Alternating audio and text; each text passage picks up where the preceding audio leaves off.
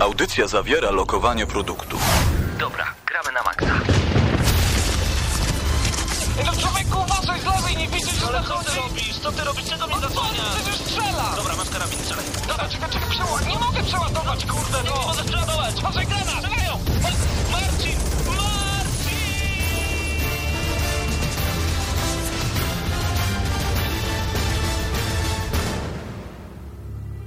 Prawdziwe emocje tylko w gramy na maksa.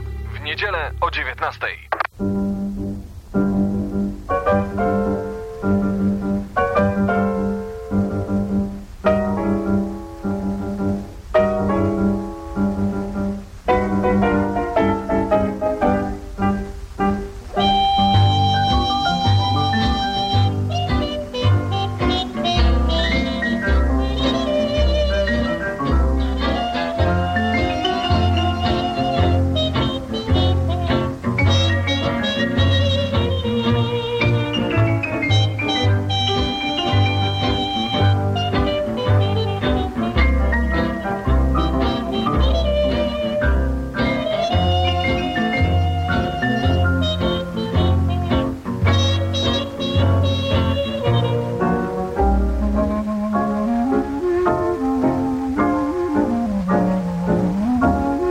chyba nie jest przypadek, że rozpoczynamy dzisiejszą audycję Gramy na Maxa od y, chyba jednego z moich ulubionych soundtracków z Bioshocka.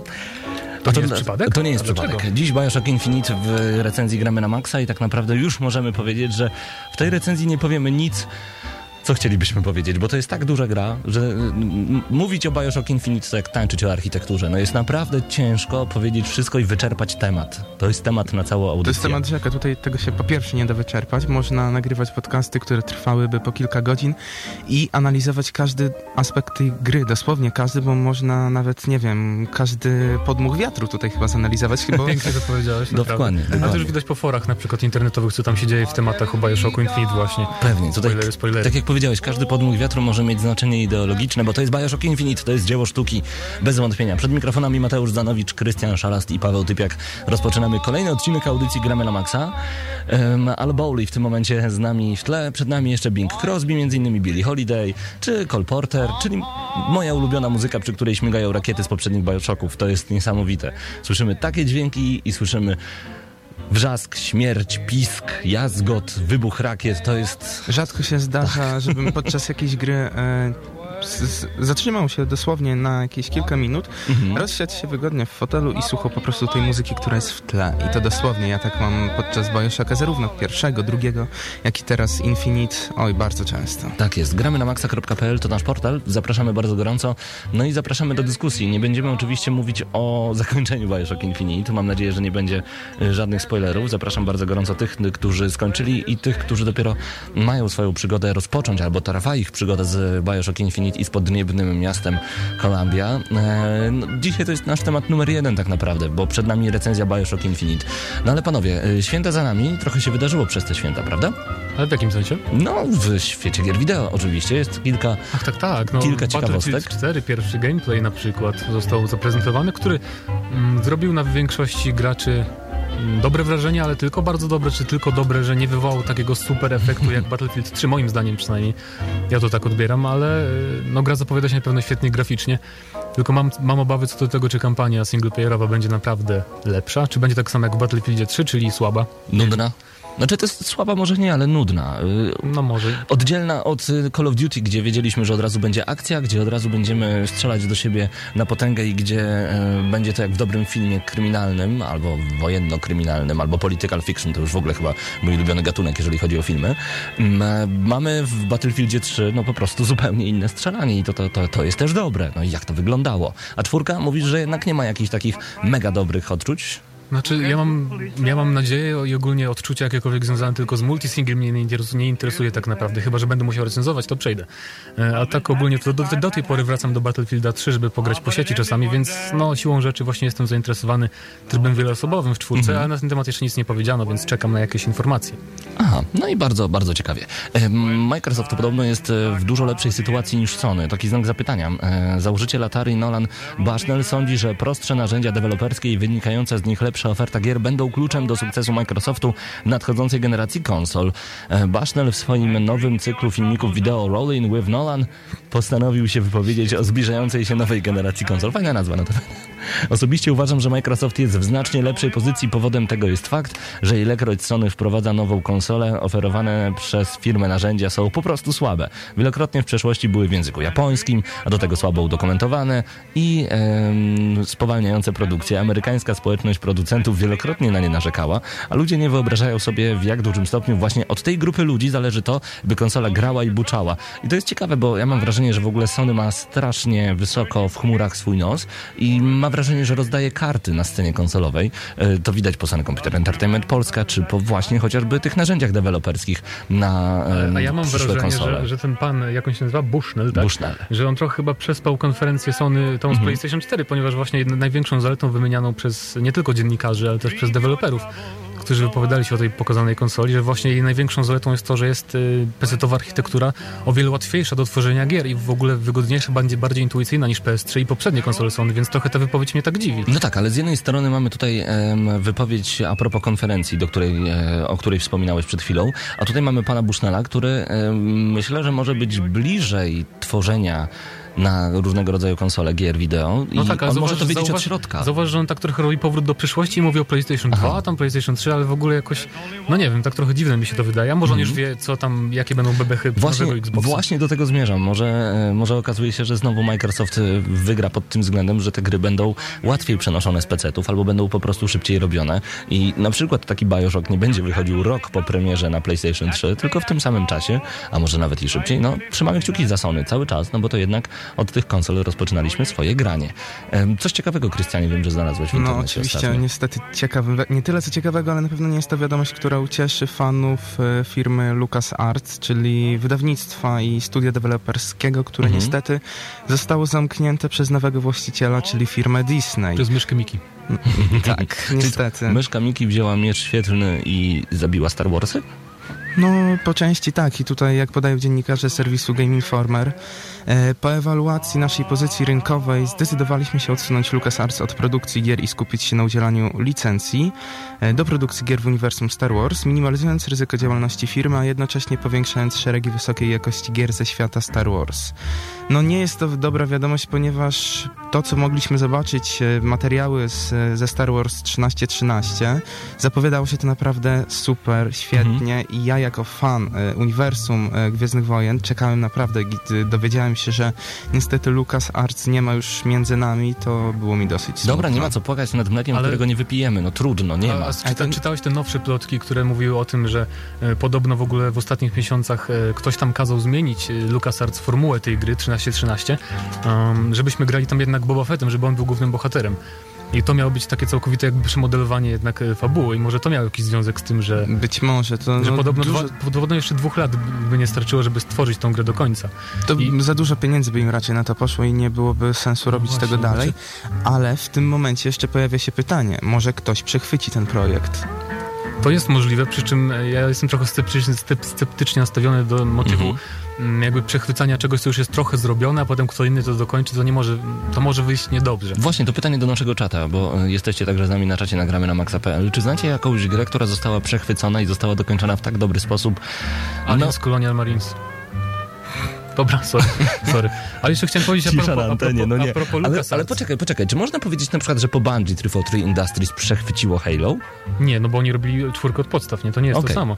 Czyli jeżeli znacie jakiś tytuł, który został przechwycony i, został zrobiony dobrze, no to Metal Gear Rising, chłopaki piszą Sleeping Dogs, tak? Metal Gear Rising jest dobrym przykładem, faktycznie, tak. Bo na początku to Kojima Production, Productions miało robić, tylko ja nie wiem, ile oni tam gameplayu zrobili tak naprawdę. No, Mhm. ale nieważne. Może Jeszcze- tylko pudełka. A propos LucasArts, to jest jakby przykra sprawa, nie? Bo to jest studio, które w przeszłości zrobiło mnóstwo świetnych gier, na przykład te klasyczne... Ale dobrze, że zaznaczyłeś w przeszłości, bo już... No tak, moim zdaniem ostatnią dobrą grą, którą jakby wyszła spod skrzydeł LucasArts jest Republic Commando ze Star Wars świata, które było w 2005 roku.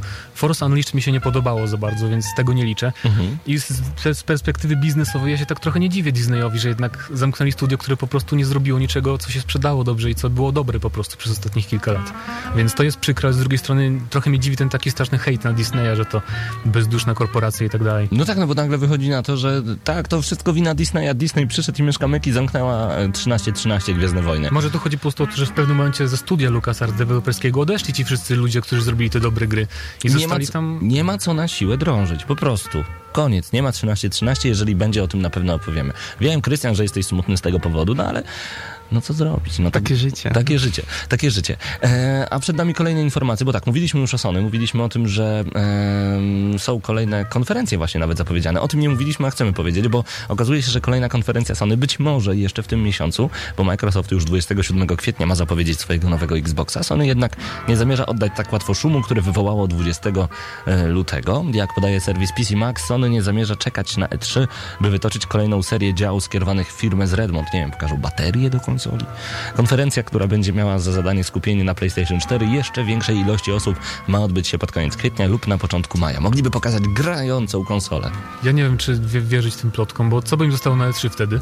Gdyby pokazali, powiedzmy, pudełko już konsolę, nie wygląd. A Gamescom, a Tokyo Game Show, przecież to są jeszcze trzy No wielkie właśnie, wydarzenia. więc Ja rozumiem, Muszę to jakoś tak rozgraniczyć w czasie, żeby nie było momentu, gdzie nadejdzie załóżmy listopad, tutaj będzie e, premiera konsoli za kilka tygodni i nagle ludzie zapomną, ponieważ od miesiąca, dwóch nic nie było mówione nowego, bo właśnie jest coś takiego, że ludzie, kiedy nie słyszą czegoś, e, hmm, tak jakby usłyszeli dwa miesiące temu to i to jest, bo ktoś to powtórzy, no sorry, ale to już było, ja chcę usłyszeć coś nowego, innowacyjnego i tak dalej, więc zobaczymy jak to będzie. Posłuchajmy trochę muzyki z Bioshocka, która cały czas dzisiaj towarzyszy nam e, w tle w audycji Gramy na Maxa. Cole Porter, You're the Top, jeden z moich ulubionych utworów z poprzednich Bioshocków. To jest po prostu top of the topest of the, nie wiem, najlepszy już.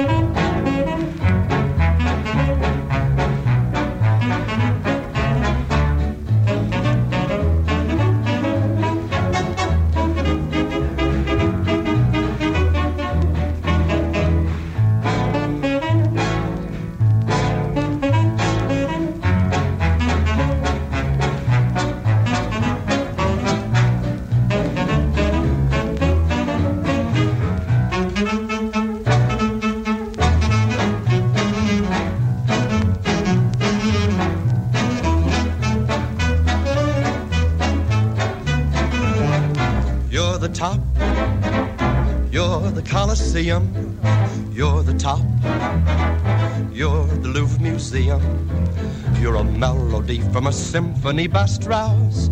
You're a Bindle bonnet, a Shakespeare sonnet. You're Mickey Mouse.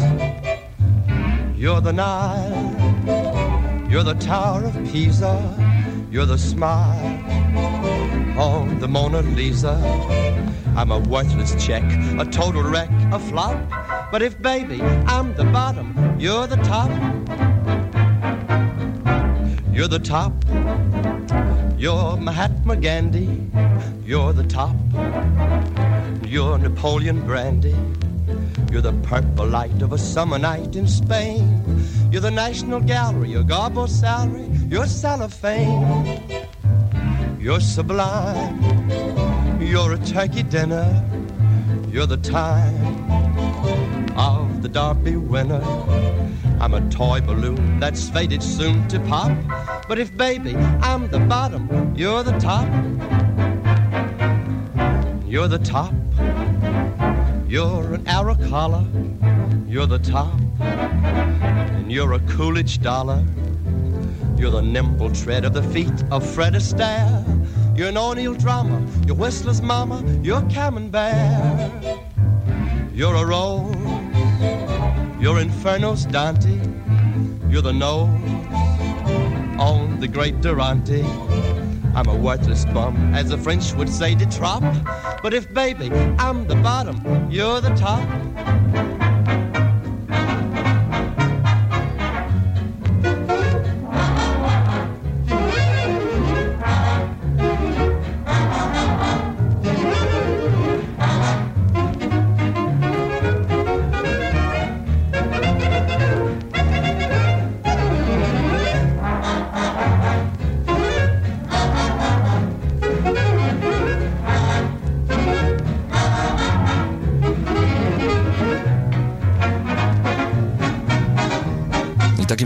Bioshock. E, Przez wszystkie trzy części mogliśmy się spotkać właśnie z taką muzyką, jak będzie w nowej części, o tym już za chwilę w recenzji gramy na Maxa.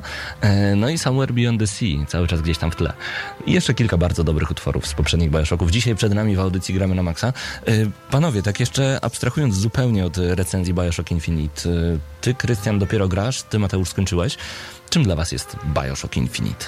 Dla mnie to nie, nie jakbym powiedział, że jest to dla mnie kolejna gra, w którą po prostu siadam i zagrywam się, to by był błąd, dlatego że dla mnie to jest, tak jak już gdzieś pisałeś chyba na Facebooku, to jest sztuka, dlatego że to jest taki miszmasz wszystkiego. Tu jest piękna muzyka, tutaj są te wszystkie elementy połączone razem ze sobą, które kreują, kreują niesamowity świat, który naprawdę czuję, że żyje. Mhm. Kolejny aspekt to postacie, które hmm, one nie są tylko wepchnięte do tej gry, one też, tak jak ten świat tętnił życiem, wiem, że są.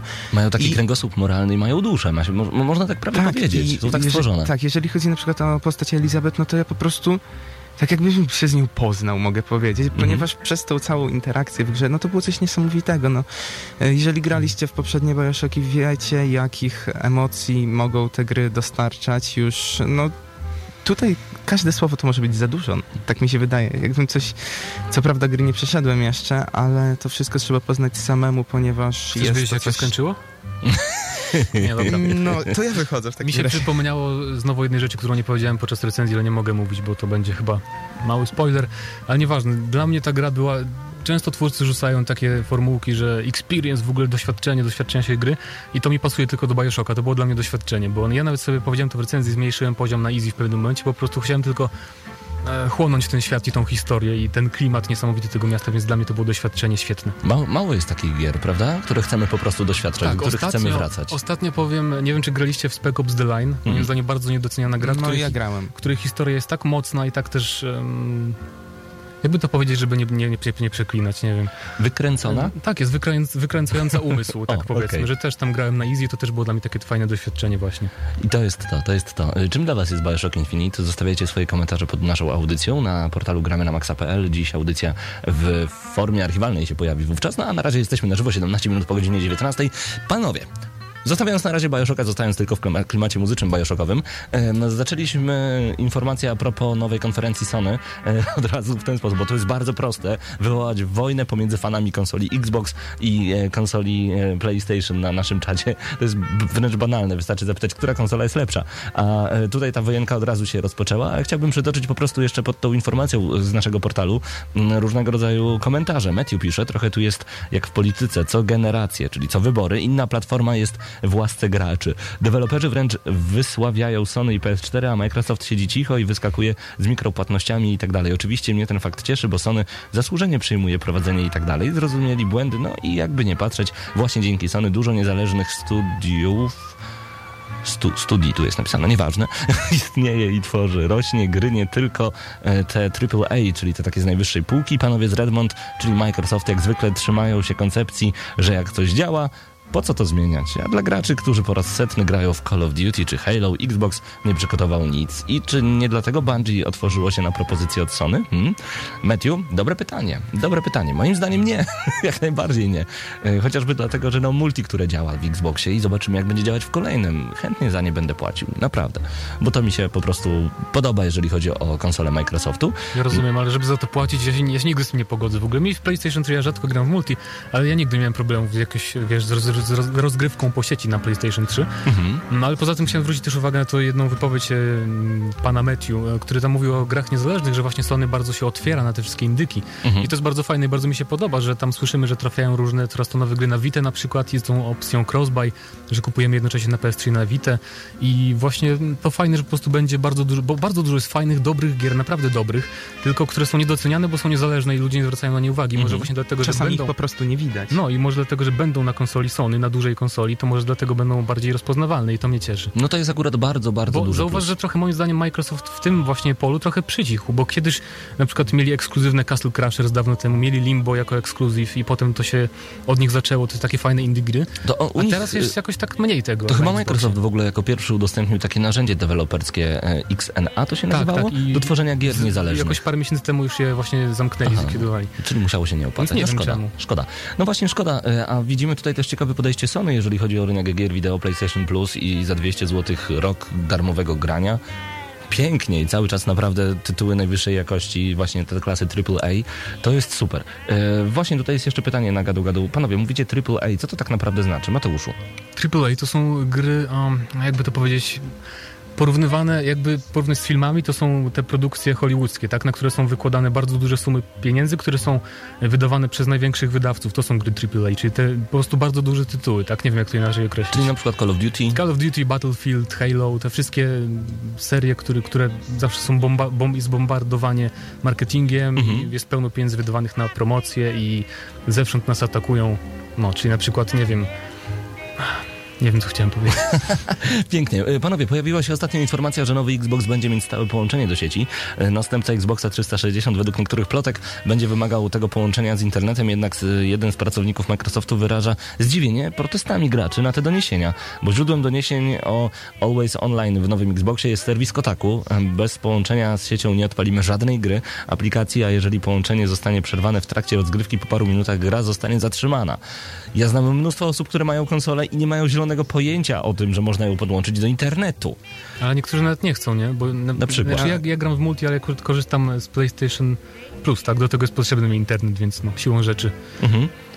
I właśnie dodajmy, że to są nieoficjalne plotki, jednak skomentował je Adam Orff, dyrektor kreatywny w firmie Microsoft. Wypowiedzi pochodzą z Twittera, zniknęły już z profilu Orta, jednak użytkownicy forum NeoGAF zdążyli je zapisać. Potem Microsoft przepraszał za te wypowiedzi. Albo, właśnie albo on sobie tutaj- żartował, albo był bardzo bezczelny. Nie wiem, nie wiem jak to Albo był po dobrej imprezie, ale to już nam nie wiemy tak naprawdę, ale pojawił się kolejny news właśnie, że Microsoft przeprasza za Adama Orfa. Mhm. E, Gigant z Redmond w najnowszej informacji prasowej wyjaśnia. Przepraszamy za niestosowne komentarze naszego pracownika, które w dniu wczorajszym pojawiły się na Twitterze. Osoba ta nie jest rzecznikiem Microsoftu, jej osobiste poglądy nie odzwierciedlają ukierunkowanego na konsumenta podejścia do naszych produktów oraz proszę. sposobu komunikacji z naszymi wiernymi klientami. Jest nam bardzo przykro, jeżeli kogokolwiek obraziliśmy, aczkolwiek nie ujawniliśmy żadnych informacji co do planów związanych z naszym produktem i nie mam obecnie nic więcej do dodania w tym temacie. Oj, oj, oj, ktoś tu chyba straci pracę, coś mi się wydaje. Bardzo możliwe, ale w ogóle powiedzmy, co ten pan Orff powiedział. On e, porównał niekupienie Xboxa ze, stałym, e, ze stałą koniecznością podłączenia do internetu. Porównuje z rezygnacji z zakupu odkurzacza, bo czasem wysiada prąd. Powiedział tak, że nie mogę potwierdzić, zaprzeczyć i komentować plotek, więc powiem tylko, żebyście byli pewni, że płacicie regularnie waszym dostawcom internetu i uśmiech. No tak, i on jeszcze tam, tam była taka dyskusja na No Twitterze z pewnym mieszkańcem um, mało zurbanizowanego terenu w Stanach Zjednoczonych i on tam argumentował, że właśnie po, po, daleko od metropolii w Stanach e, internet po prostu bywa słaby. Nas to w Polsce może dziwić, że myślimy sobie, że w Stanach tam mają nie wiadomo co, ale to nieprawda.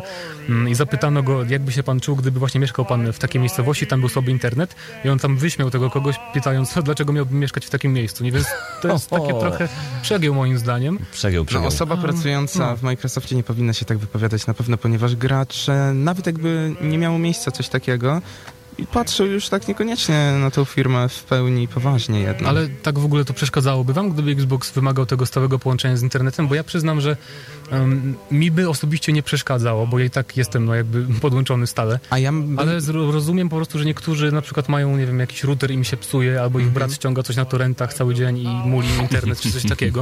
I po prostu może No tak. wygodniej im grać bez internetu. A ja pewnie. bym był niezadowolony, ponieważ często wyjeżdżam z moją konsolą w miejsca, gdzie mam telewizor, ale nie mam internetu i wiem, że nie będę tam miał internetu, a grać będę chciał, więc No pewnie. no, tak, to też w ogóle nie pomyślałem o tym, że przecież konsole są dziś nie są takie ogromne jak ten chlebak pierwszy PS3. Znaczy, y, y, zobaczcie, że graczom wystarczy byle powód, by nie kupić jakiejś konsoli. Czyli jeżeli będziemy musieli, y, no, niektórzy na przykład kupują PlayStation, bo trzeba płacić za online na Xboxie, jeżeli trzeba będzie mieć y, cały czas podłączenie do internetu na Xboxie, to na pewno nie wezmą Xboxa, bo to już będzie powód, by kupić PS4. Koniec, kropka. Ale wiecie co, jeszcze tak Mhm. mhm. pomyślałem na tym Xboxie nowym i rzeczywiście jakby to tak wyglądało. E, wiem, że jest wiele osób, które kupując tego Xboxa e, Mhm. nie wiedziałoby o tym, bo byłoby słabo poinformowane. Czy, Oczywiście. e, I wyobraźcie sobie tak, kupuje jakiś ojciec albo matka, rodzice dla swojego ukochanego dziecka nowego Xboxa, dostaje w domu i nagle pojawia się informacja, nie no sorry, nie zagrasz, nie masz internetu. Ale byłoby od razu e, mnóstwo zwrotów do sklepów. E, musiałaby być na pewno szybka akcja marketingowa, że tak, podłącz się do internetu już dziś, musisz być podłączony. Albo Sądzę, że wiem to co. sprzedawcy musieliby przykupnie informować, bo inaczej tego jednak nie widzę. No No, nic, pożyjemy, zobaczymy. 27 kwietnia się przekonamy. Jeżeli, tak. jeżeli ta konferencja w ogóle okaże się prawdą, bo ona nie została oficjalnie potwierdzona przez Microsoft, tylko Ja bym, tam ja bym zrobił taką akcję wtedy od Microsoftu, na przykład Krystian kiedy nie je, umiera. Xbox jak nie jest podłączony, nie możesz w niego grać. Podłącz Xboxa, nakarm Piękne. Krystiana. Czekajcie, idę coś zjeść. Dobrze, zostańmy z jednym z moich ulubionych utworów, e, Doggy in the Window e, z poprzednich Bioshocków. E, Wracamy już za chwilę. Przed nami także recenzja Bioshock Infinite. Koniecznie zostańcie z audycją Gramy na Maxa, a gramy dla Was na antenie Radia Centrum w Lublinie 982 FM. Zawsze tu jesteśmy w niedzielę o 19.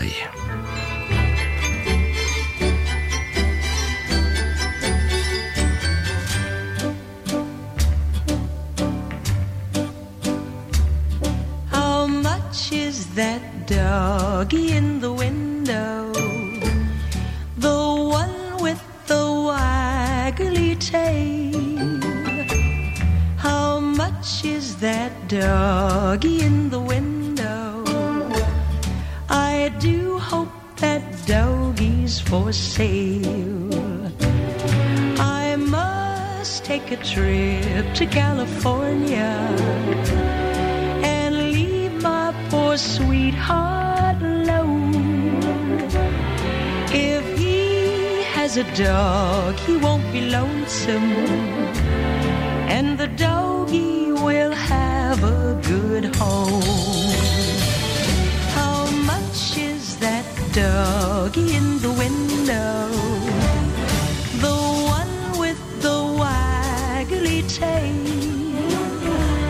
How much is that doggy in the window? Doggy's for sale. I read in the papers there are robbers with flashlights that shine in the dark. My love needs a doggy to protect him and scare them away with one bark. A bunny or a kitty.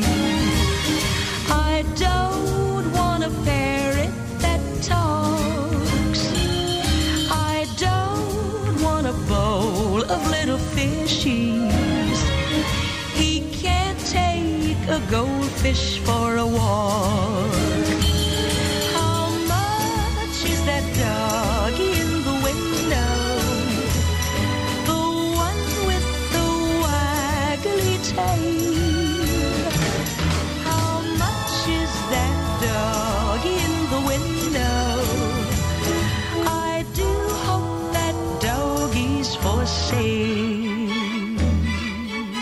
Jak panowie nie kochać Bioshocka i nie kochać jego muzyki? No to jest, e, to jest arcydzieło dla mnie. E, Patty Page, Doggy in the Window, jeden z moich ulubionych utworów z poprzednich Bioshocków. E, Panowie, nowa współpraca z nami już w tym momencie. E, Jak rusza- to wygląda? Ruszamy w stronę esportową, a mianowicie chodzi o współpracę ze stroną www.redbuff.pl, gdzie możecie poczytać przede wszystkim o League of Legends, ale nie tylko, ogólnie o esporcie.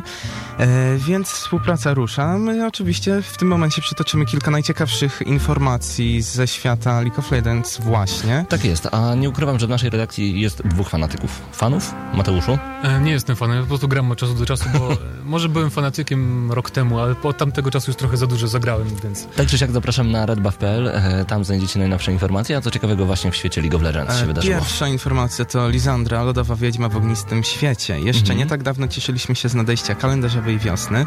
Oj, no to załóżmy, że cieszyliśmy Mhm. się, jakkolwiek by to nie brzmiało. E, topienie Marzanny miało być oficjalnym pożegnaniem starej pory roku i przywitaniem cieplejszego okresu rozkwitu. Jednak League of Legends dobitnie nie chce żegnać się z zimą, ciągle zaskakując nas nowymi informacjami z krainy Freylordu. Nie tak dawno na naszym portalu, y, na redbuff.pl, mogliście czytać o mrocznym odświeżeniu Sejuani i Trundle, a wczoraj Riot poinformował nas, że nadciąga nowa bohaterka, Lisandra, Lodowa Wiedźma. Jeżeli chcecie poznać tę czarodziejkę, to oczywiście zapraszamy na www.redbuff.pl, gdzie znajdziecie więcej informacji, ale to oczywiście nie koniec e, informacji ze świata e-sportu. Tym razem zmiany na polskim podwórku, Team Mistral i Risen Gaming. E, zmiany, zmiany, zmiany, jak możemy przeczytać na redbuff.pl, czyli znajoma informacja z polskiej sceny. Tym razem nowości dotyczą dwóch zespołów, Mistra, e, Team Mistral oraz e, Risen Gaming, Mhm. które z powodzeniem mogą konkurować o miano jednych z najlepszych w Polsce. O co chodzi? O zmiany kadrowe, czyli standardową rotację zawodników po mniejszych lub większych niepowiedzeniach. Jesteście ciekawi, co takiego dzieje się w tych dwóch zespołach? No to oczywiście zapraszam na www.redbuff.pl. No to by było, jeżeli chodzi Tak o sportowe informacje, tyle. Jeżeli jeszcze chodzi o tą bohaterkę nową, Lisandrę, to jeżeli lubicie grać na środkowej linii, czyli na midzie tak zwanym, to polecam zajrzyjcie właśnie na stronie i poczytajcie, kim ona jest, bo zapowiada się interesująco jak na właśnie tą rolę, tę rolę pełniącą postać. W ogóle Riot Games lubi lodowe postacie, tak zauważam Co do e-sportu jeszcze, ja akurat w LoL'a nie grałem, ale moja historia zaczęła się dosyć niedawno, kiedy Intel Extreme Masters odbywało się w Polsce i ja to sobie tak sobie myślę, a włączę sobie e, streama. Raczej mnie to nie wciągnie. No i wyobraźcie sobie, że oglądając Zdziwiłeś się e, pewnie. właśnie oglądając LoL'a i e, WoWa o, poświęciłem na to trzy godziny chyba, będąc e, w, w rozłożonym wygodnie w łóżku, a kiedy polskie drużyny grały, e, naprawdę się emocjonowałem, jak podczas meczu, nie wiem, Polski z Ukrainą, załóżmy. No tak, bo to są emocje. Ja, ja też lubię oglądać e-sport, nawet jak Polacy nie grają. Mhm. I szczególnie League of Legends albo ogólnie gry tego typu, czyli MOBA, czy na przykład Dota 2, ponieważ tam jest gra zespołowa, nie? A w StarCraftie mamy najczęściej jeden na jednego, więc to jest trochę mniej emocjonujące moim zdaniem. A tutaj jest pięciu zawodników, którzy muszą bardzo dobrze współpracować i to się fajnie po prostu ogląda. No i pięknie. E, gry wideo w najlepszym natarciu. Zapraszamy na redbuff.pl. E, no a panowie, wiemy bardzo dobrze od dłuższego czasu, że to, co się dobrze sprzedaje, to na pewno rywalizacja, to na pewno emocje i na pewno piękne kobiety. Dlatego jeżeli jesteśmy przy e-sporcie, zapraszam w najbliższy czwartek. E, wówczas już rozpoczyna się świętowanie urodzin Padbaru przy ulicy Ewangelickiej 6 i tam rozpocznie się turniej w Dance Central pomiędzy ekipą Padbarową a modelkami z Black and White Models. Panowie, będzie na co popatrzeć, no i y, możecie wziąć udział. Krystian, Mateusz, może wy byście trochę zatańczyli i pokazali dziewczynom, gdzie ich miejsce. Że My nie tylko- one tu tańczą najlepiej. My ogólnie jesteśmy od tego, żeby patrzeć, jak tańczą inni. Aha. Będziesz mógł zaśpiewać, że ona tu jest i tańczy dla ciebie, tak? Dokładnie, dokładnie. No dobra, zapraszamy. Godzina 19, najbliższy czwartek, my tam oczywiście będziemy. E, Zapraszamy na turniej pomiędzy e, modelkami a ekipą padbarową. No, starcie będzie naprawdę niesamowite. E, no i zaglądajcie na padbar.pl, tam także znajdziecie informacje a propos obchodzonych urodzin. Które to urodziny? To wszystko znajdziecie już jutro na stronie padbar.pl. Robimy chwilę przerwy, zaraz przejdziemy do recenzji. Przed nami jeszcze The Andrews Sisters by Mia Byszczeszyn, prosto z Bioshocka.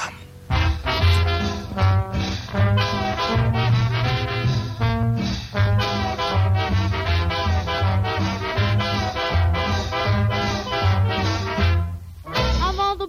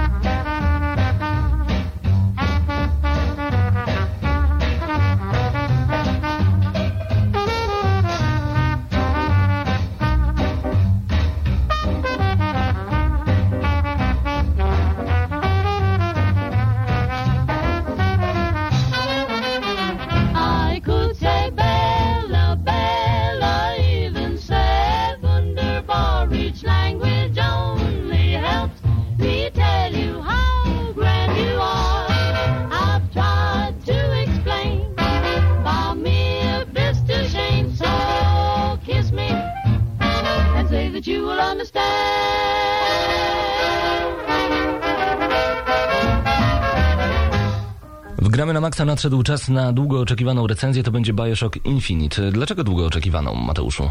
Długo oczekiwaną po pierwsze dlatego chyba, że e, na tą grę czekaliśmy od roku 2010, e, a po drugie dlatego, że mieliśmy przerwę świąteczną krótką i nie mogliśmy zrecenzować tej gry od razu. To prawda, do tego e, jesteśmy chyba wielkimi fanami. Nie mogę tylko mówić tutaj o sobie, ale chyba o wszystkich z nas. Jesteśmy chyba wielkimi fanami e, całej serii Bioshock, chociaż Infinite jest zupełnie inny, ale od samego początku gra od 18 roku życia. Pojawiła się na Xboxa 360, PS3, a także na PC-ty. Mm, twórcą jest Irrational Games. To jest o tyle ważne, ponieważ to Irrational Games robiło pierwszą, a nie drugą część Bioshocka, co oznacza, że poziom będzie naprawdę wysoki. Tak jest i wcześniej robili była też, inna. wcześniej też System Shock 2 i System Shock 1, więc Czyli są rdzenni, można tak powiedzieć. Em, o tym... wydawca światowy 2K Games i Tak dystrybutor w Polsce Cenega, e, którym dziękujemy za dostarczenie kopii gry do recenzji. Tak jest, dostaliśmy grę na PS3, a ty Mateuszu akurat osobiście grałeś na PC-ta i to bardzo dobrze, ponieważ no tutaj mankamenty graficzne e, były na pewno na konsolach, dlatego o tym opowiemy w tej recenzji. Czym jest Infinite?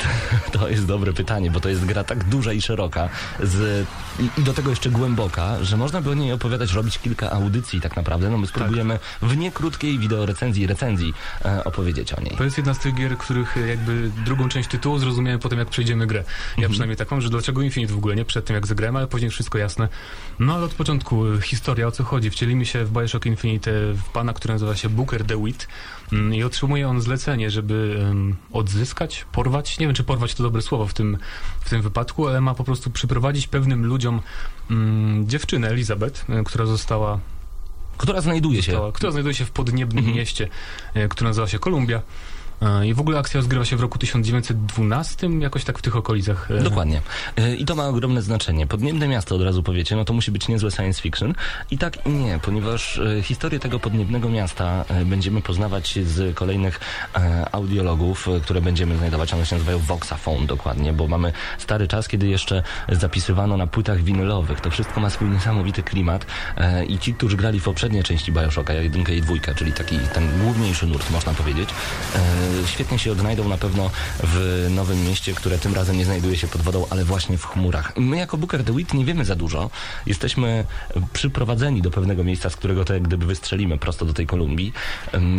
Wiemy wręcz bardzo mało, można powiedzieć. Wiemy tylko, że musimy przyprowadzić pewną panią. E, No i to tak naprawdę tyle. Ale to, to jest też fajne właśnie a propos tych e, audiologów, takich, takie będziemy nazywać może, Mhm. dla, dla, żeby było prościej.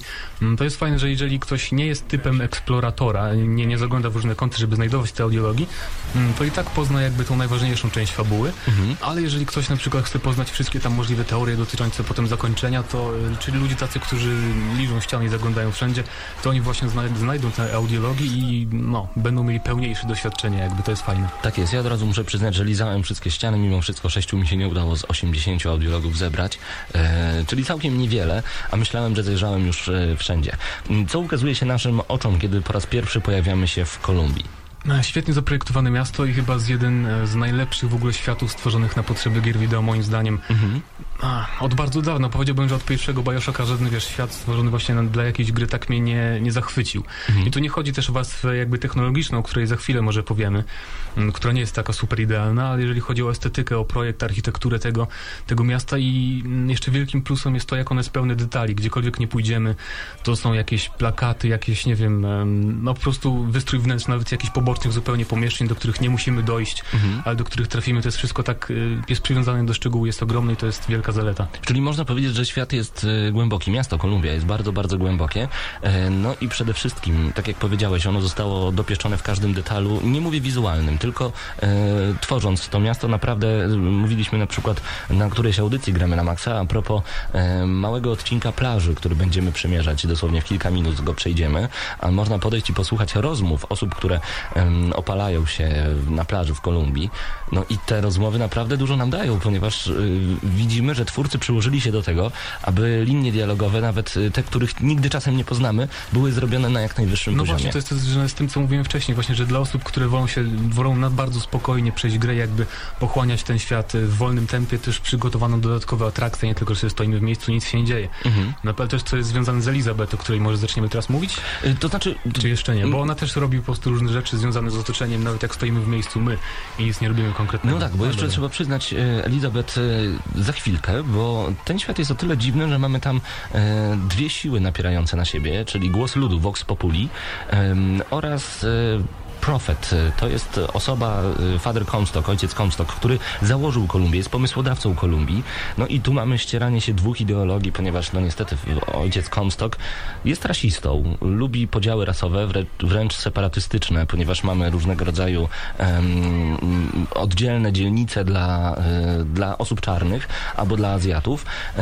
I, i, to jest też ciekawe, że może nie po raz pierwszy, ale Ken Levine, czyli twórca tej gry, zdecydował się e, ugryźć temat rasizmu, na przykład e, tak oficjalnie, tak otwarcie. No tak, nie tylko rasizmu, ale też Mhm. jakby podziału klasowego w społeczeństwie i tak dalej.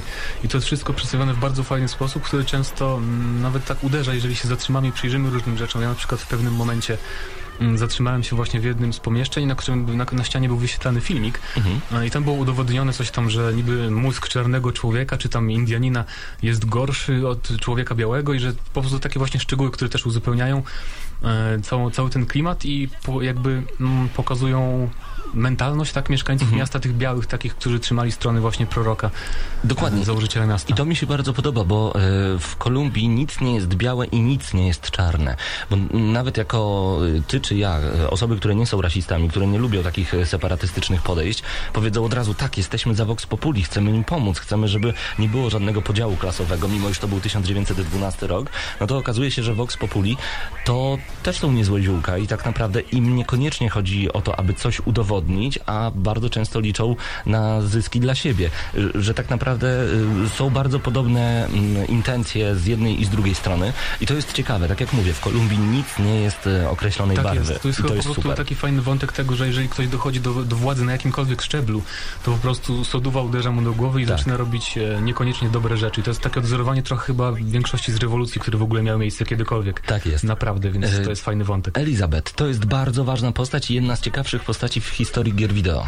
Zdecydowanie się zgodzę i zarówno pod względem charakteru, chociaż ja tu chciałem tak podzielić, trochę może to nie pasuje, ale za, zarówno Jasne. pod względem tego charakteru, swoich Mhm. zachowań, głos jest świetnie podłożony, jak Tak. zresztą wszystkie głosy w Bioshock Infinite, ale też pod względem technologicznym jest bardzo fajnie zaprojektowana, skojarzyło mi się z takimi um, księżniczkami z filmów Disneya. Tak, ja nie wiem, O. czy zauważyłeś, jak się ona porusza na przykład i jakie gesty wykonuje, jej, na przykład miny, jej mimika i tak dalej, to wszystko bardzo fajnie wygląda. To prawda. I to wszystko składa się na to, że przywiązujemy się do tej postaci jak do żadnej innej chyba Można przez tak- długi czas. Zdecydowanie można tak powiedzieć, ponieważ em, Elizabeth za pomocą swojej mimiki, tak jak powiedziałeś, a także zachowań, ona podchodzi do różnych witryn sklepowych, e, przykłada rękę do brwi i zagląda, e, odsłaniając sobie światło, zagląda do środka, przygląda się różnego rodzaju rzeczami, wskazuje nam wytrychy albo inne różnego rodzaju znajdźki, e, które mogą nam się przydać w przemierzaniu przez kolejne ulice Kolumbii.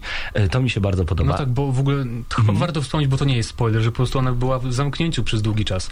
Po to tam się udaliśmy do tego miasta, żeby ją wyciągnąć jakby i ona właśnie dlatego się tak zachwyca tym wszystkim. My może byśmy tak się nie zachwycali wszystkim, co widzimy naokoło, ale ona była praktycznie od dziecka zamknięta w jednym tam pomieszczeniu, w jednej wieży. I to jest dobre. Od dziecka zamknięta w, pewnej, w pewnym pomieszczeniu i kiedy ją wypuszczamy, ona ma oczy małego dziecka. No Zachwyca właśnie. się totalnie wszystkim, latającym kolibrem. Tak jak powiedziałem, zagląda wszędzie, czy zwraca uwagę na rzeczy, które nawet my, gracze, byśmy wcześniej nie zwrócili uwagi. Ona po prostu tego nigdy wcześniej nie widziała.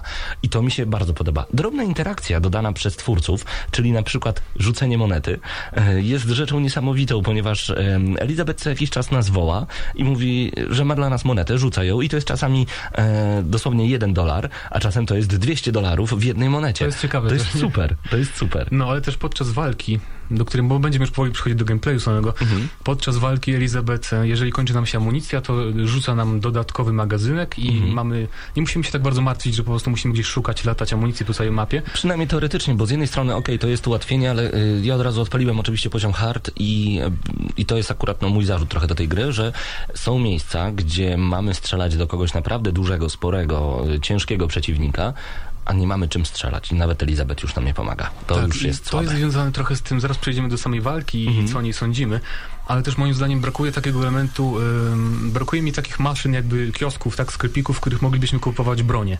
Bo czasem po prostu brakuje ci, wiesz, odpowiedniego rodzaju broni, bo możemy nosić tylko dwie bronie. Mhm. To jest trochę za mało właśnie, bo to nie pasuje do każdej sytuacji.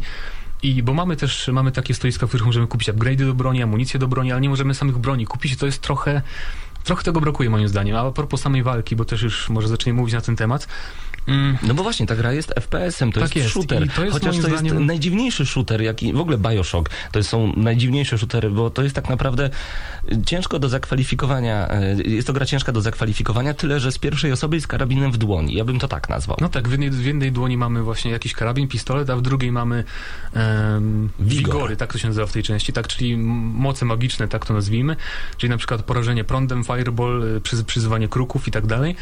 Mm, I używamy ich w walce właśnie y, na przemian ze strzelaniem z tradycyjnej broni, ale to walka sama w sobie nie jest No nie jest nie wiem jak to powiedzieć, po prostu jest dobrze zrealizowana, ale nie jest na tle, na tle fabuły, na tle klimatu gry, na tle, na tle tych innych elementów, które są świetne i idealne moim zdaniem. To walka sama w sobie jest taka, taka średnia, tak, że w pewnym momencie po prostu ona nie sprawiała mi po prostu przyjemności na tyle, żebym grał nawet na normalu. Po prostu przełączyłem sobie poziom trudności na easy, tylko po to, żeby po prostu dalej poznawać to miasto, wiesz, w fabułę, historię i tak dalej, i postacie, a po prostu walka była takim tylko przerywnikiem. No tak, y, można tak powiedzieć z jednej strony, wcale ci się nie dziwię. Y, z drugiej strony ja widzę, jak strasznie okrojono system z poprzednich Bioshocków, bo tam mieliśmy wiele broni przy sobie naraz, to po pierwsze. Tak, tak. Po drugie, w każdej broni mieliśmy po trzy rodzaje strzałów. To było Amunicji, świetne możemy amunicji. sami, sami mogliśmy tworzyć tę amunicję, Tak, tak. jest. Do tego e, tych plazmidów, tutaj wigorów było moim zdaniem chyba więcej. Jeżeli było tyle samo, spoko, ale ja korzystałem z trzech przez całą grę tak naprawdę. Reszta nie była mi zupełnie do niczego potrzebna. No i po czwarte, z każdego, z każdego wigoru możemy zrobić pułapkę. Szczerze, używałem pułapek tylko w ostatniej części gry, w ostatniej chwili tak naprawdę. W ogóle do niczego te pułapki nie są potrzebne, zostały chyba dodane na siłę, żeby już zupełnie nie ogołocić walki w Bioshock Infinite. No tak, bo cały czas praktycznie podczas walki musimy się poruszać. Ten, Mhm. To pomaga też w tym ten system, akurat to jest fajne w walce. E, Kolumbia jest jakby usiana takim systemem szyn podniebnych, tak to możemy nazwać, po których możemy się poruszać bardzo szybko i zeska- zeskakiwać w dowolnym momencie i przy momencie zeskoku e, jakby jest fala uderzeniowa i tam rozwalamy wrogów lądując.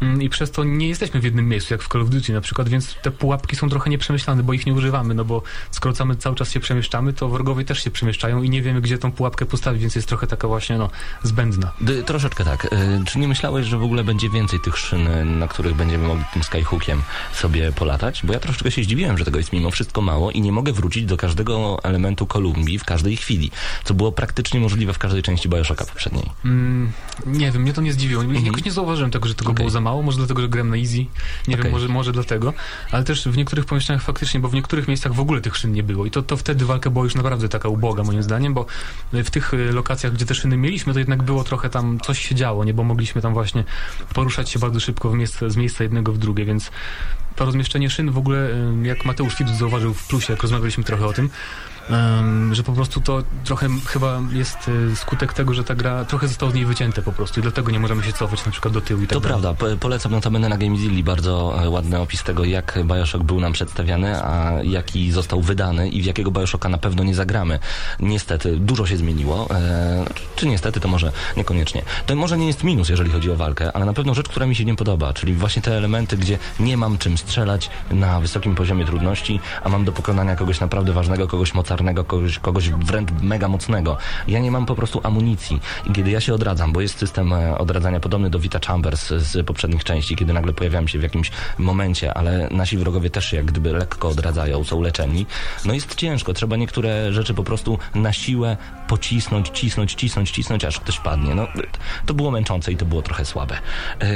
To, co jeszcze mi się bardzo podoba i co jest ogromnym plusem Bioshock Infinite ym, i to jest chyba też niezłym plusem w ogóle gier wideo, y, konkretnie tej tej gry, gdy nas przyzwyczaiły do tego, że wszystko, co leży na ziemi, możemy podnieść.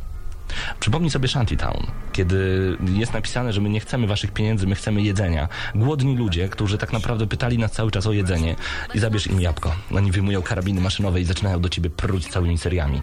Nie możesz ich okraść, nie możesz ich zabierać. Wchodząc za lady, próbując przeszukać kasetkę, koleś wyjmuje szybko shotguna spod, y, spod, y, spod lady, czekając, czy ty będziesz ją przeszukiwał, bo już macie na swoim oku. To mi się bardzo podoba, ten świat żyje on jest Tak, taki to jest fajny element właśnie w, niek- w niektórych tylko oczywiście miejscach tak. jest, ale też z drugiej strony to trochę uderza, bo na przykład są porozrzucane te pieniądze i nawet jedzenie jest porozrzucane, Mhm. ale ci ludzie głodują i jednak nie mają pieniędzy, więc to jest takie, takie trochę No, łamiące... gry w grze.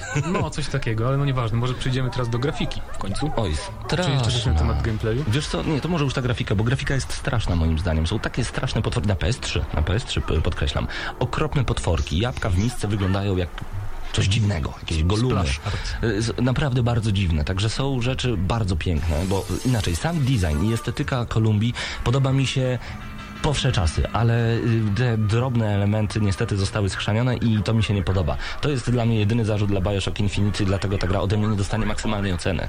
Między No, innymi. na. PC gra wygląda bardzo dobrze, chociaż momentami też zdarzają się tekstury, które widać, że są e, trochę niedopracowane, na przykład płaskie zupełnie e, elementy krzaków, które powinny być jakoś tam w 3D i tak dalej, e, ale nie zauważam ich tak bardzo często, bo ogólnie te główne tekstury jakby na ścianach i tak dalej są wszystkie bardzo w porządku zrobione, Mm, natomiast i tak przykrywa to wszystko, te, te małe wady na PC przynajmniej, estetyka tej gry, czy właśnie jak mówić, wygląd tego miasta i pomysł na zaprojektowanie jest po prostu idealny, świetny i genialny, więc jakby jestem trochę subiektywnie stawiony do, do, tych- do tej technologicznej warstwy ich minusów. Jak muzycznie i dźwiękowo. Muzyka moim zdaniem jak najbardziej W na każdym plus. momencie muzyka jest po prostu tak idealnie dopa- do, dopasowana, że aż się chce, żeby coś się działo, żeby właśnie ta muzyka dynamicznie się Tak. zmieniała. I, I głosy postaci, bo to też jest związane z audio, też są świetnie dobrane. Każda postać jest bardzo charyzmatyczna przez to, że jest właśnie świetnie dobrany głos, więc do audio absol- absolutnie żadnych zarzutów jest bardzo Mhm. są, dobre. są takie momenty, kiedy wychodzicie z jakiegoś otoczenia i nagle słyszycie zaraz, zaraz, zaraz, to jest Tainted Love w takiej dziwnej edycji? Czy to jest Shiny Happy People w takiej dziwnej edycji? Rzecz niesamowita i to mi się bardzo podoba, bo muzyka tutaj jest na najwyższym poziomie. Tak jak mówiłem na początku recenzji, Bioshock Infinite to jest zbyt ważna gra, by mówić o niej 3 minuty. Dlatego troszeczkę się nad nią, e, e, może nie tyle rozpływamy, co dywagujemy, bo jest kilka minusów, kilka rzeczy, które nam się nie podoba, ale kilka, którymi jesteśmy na pewno zachwyceni, między innymi muzyka i udźwiękowienie, bo kiedy na tym skyhooku latamy sobie po tych szynach, kiedy strzelamy, to wszystko jest zrobione bardzo dynamicznie, bardzo dobrze. Wszystkie te wokale, te dźwięki, te linie dialogowe, to wszystko jest nagrane innymi głosami i to jest naprawdę super. Są też drobne elementy związane z muzyką. E, dla tych, którzy dopiero będą grać, przypomnę tylko Elizabeth i gitara. Już będziecie wiedzieć o co chodzi. Tak, tylko to nie, To nie każdemu piękne. się trafi, y, bo to trzeba poczekać w odpowiednim momencie, żeby ta jakby piosenka przeleciała cała. Tak mi się wydaje, bo ja za pierwszym razem, bo zagrałem potem drugi raz specjalnie czytałem save, żeby zobaczyć, czy jak tam postoję w tym miejscu trochę dłużej, to, to będzie, no, w każdym nieważne. Ale e, sprawdźcie to, bo to są właśnie takie drobne elementy, które budują Bioshock Infinite. E, I czy to tak naprawdę tyle? Bo nie ma tutaj trybu multi. Odblokowujemy tryb 1999 mode, Tak, czyli myślę, jeszcze że- mm, bardzo trudny tryb, wyższy niż hard. No i tyle. Gra się nagle kończy. Myślę, że tyle, więc po prostu zacznijmy podsumowywać, już przechodząc do, do zakończenia, czyli Mhm. Proszę. tego, że e, zakończenie w tej grze, e, jakby nałożone na tą bardzo fajną historię, moim zdaniem, i na ten klimat tej Kolumbii, tego miasta, i zakończenie jest naprawdę świetne, moim zdaniem, i takie rejące beret, że tak powiem, użyję takiego brzydkiego sformułowania. Inception style. Tak jest, Incepcji. incepcja totalna. E, e, sprawiło w ogóle to zakończenie, e, to bardzo klimatyczny element gry, że po ukończeniu byłem pewien, że wystawię 10 na 10, że w ogóle gra wszechczasów, najlepsza gra tej generacji, ale potem e, jednak poczekałem dwa dni tak i sobie uświadomiłem, że jednak gameplay, walka na przykład, przede wszystkim walka nie dorasta do poziomu e, fabularnego i tego, jakie było zakończenie i do przedstawienia tych ważnych wątków właśnie społecznych, tam rasizm i tak dalej, podziały klasowe. Więc jeżeli miałbym wystawić ocenę, bo to już pora na to, to, to nie wystawię dziesiątki, bo to by było niesprawiedliwe trochę i trochę nieobiektywne, bo jednak trzeba zwrócić uwagę na to, że sama walka mi się po prostu nie zachwyciła mnie tak jak reszta gry, Mhm. więc ocena ode mnie y, 9, 9 z plusem nawet i bardzo mocne 9 z plusem, ponieważ żadna gra od dawna nie sprawiła, że po prostu tak długo myślałem o niej, o tym zakończeniu, o tym dlaczego to się stało, jak to możliwe w ogóle i jeszcze myślałem o tym, myślałem długo po ukończeniu gry, to jest właśnie niesamowite. Tak, y, po skończeniu Bioshock Infinite miałem pustkę. Pustkę, pustkę, jeszcze raz pustkę. Grałem sobie y, z YouTube'a piosenkę y, kończącą tę grę cały czas i cały czas myślałem o tym, co wydarzyło się w Kolumbii, co wydarzyło się w moim sercu i na ekranie telewizora.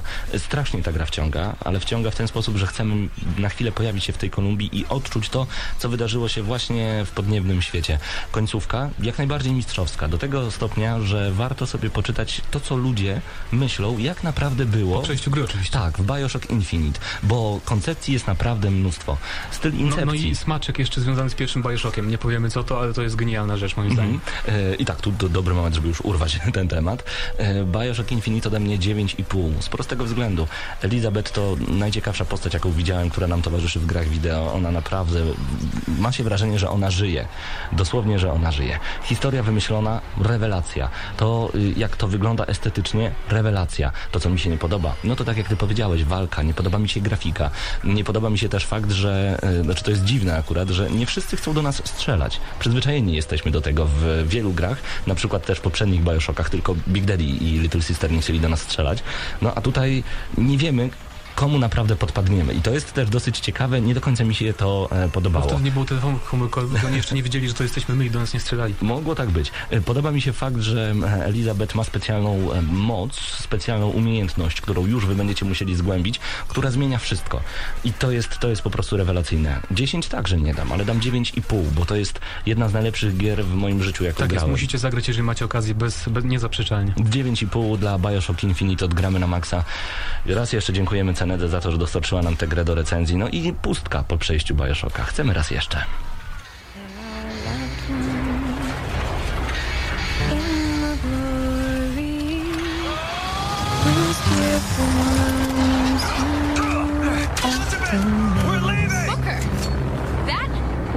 You close your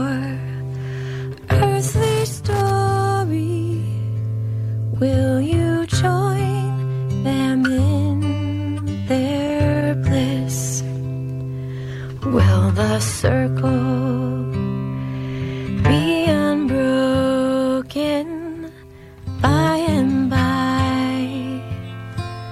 By and by is a better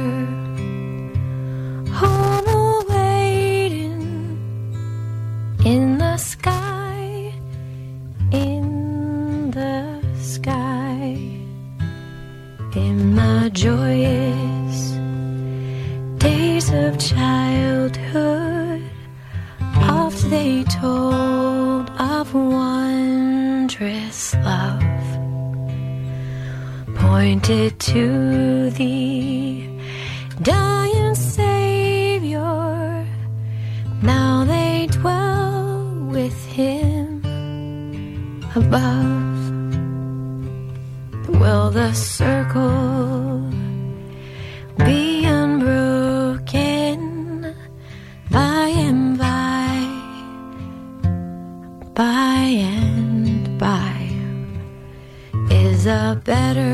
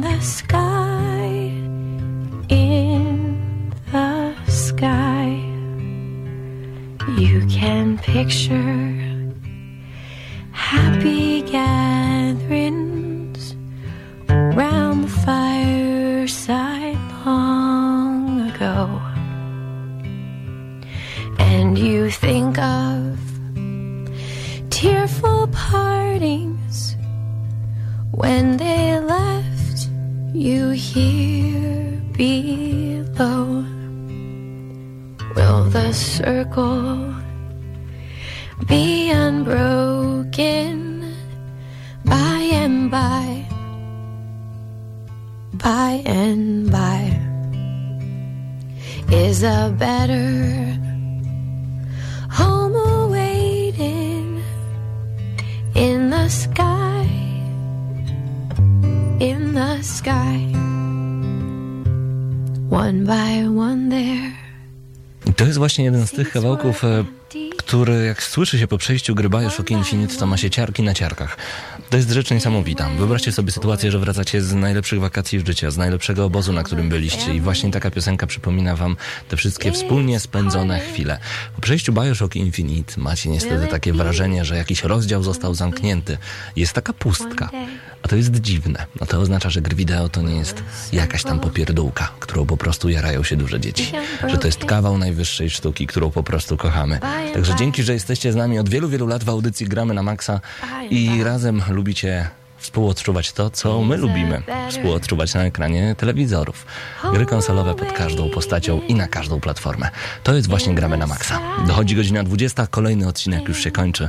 Dzięki, że byliście z nami, a z wami przed mikrofonami byli Krystian Szalas, Mateusz Zdanowicz i Paweł Lipiak. Do usłyszenia za tydzień. Obiecuję, że będzie gorąco. Dobra, gramy na maksa.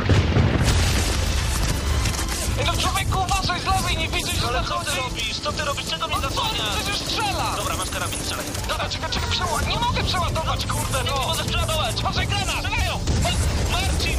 Marcin!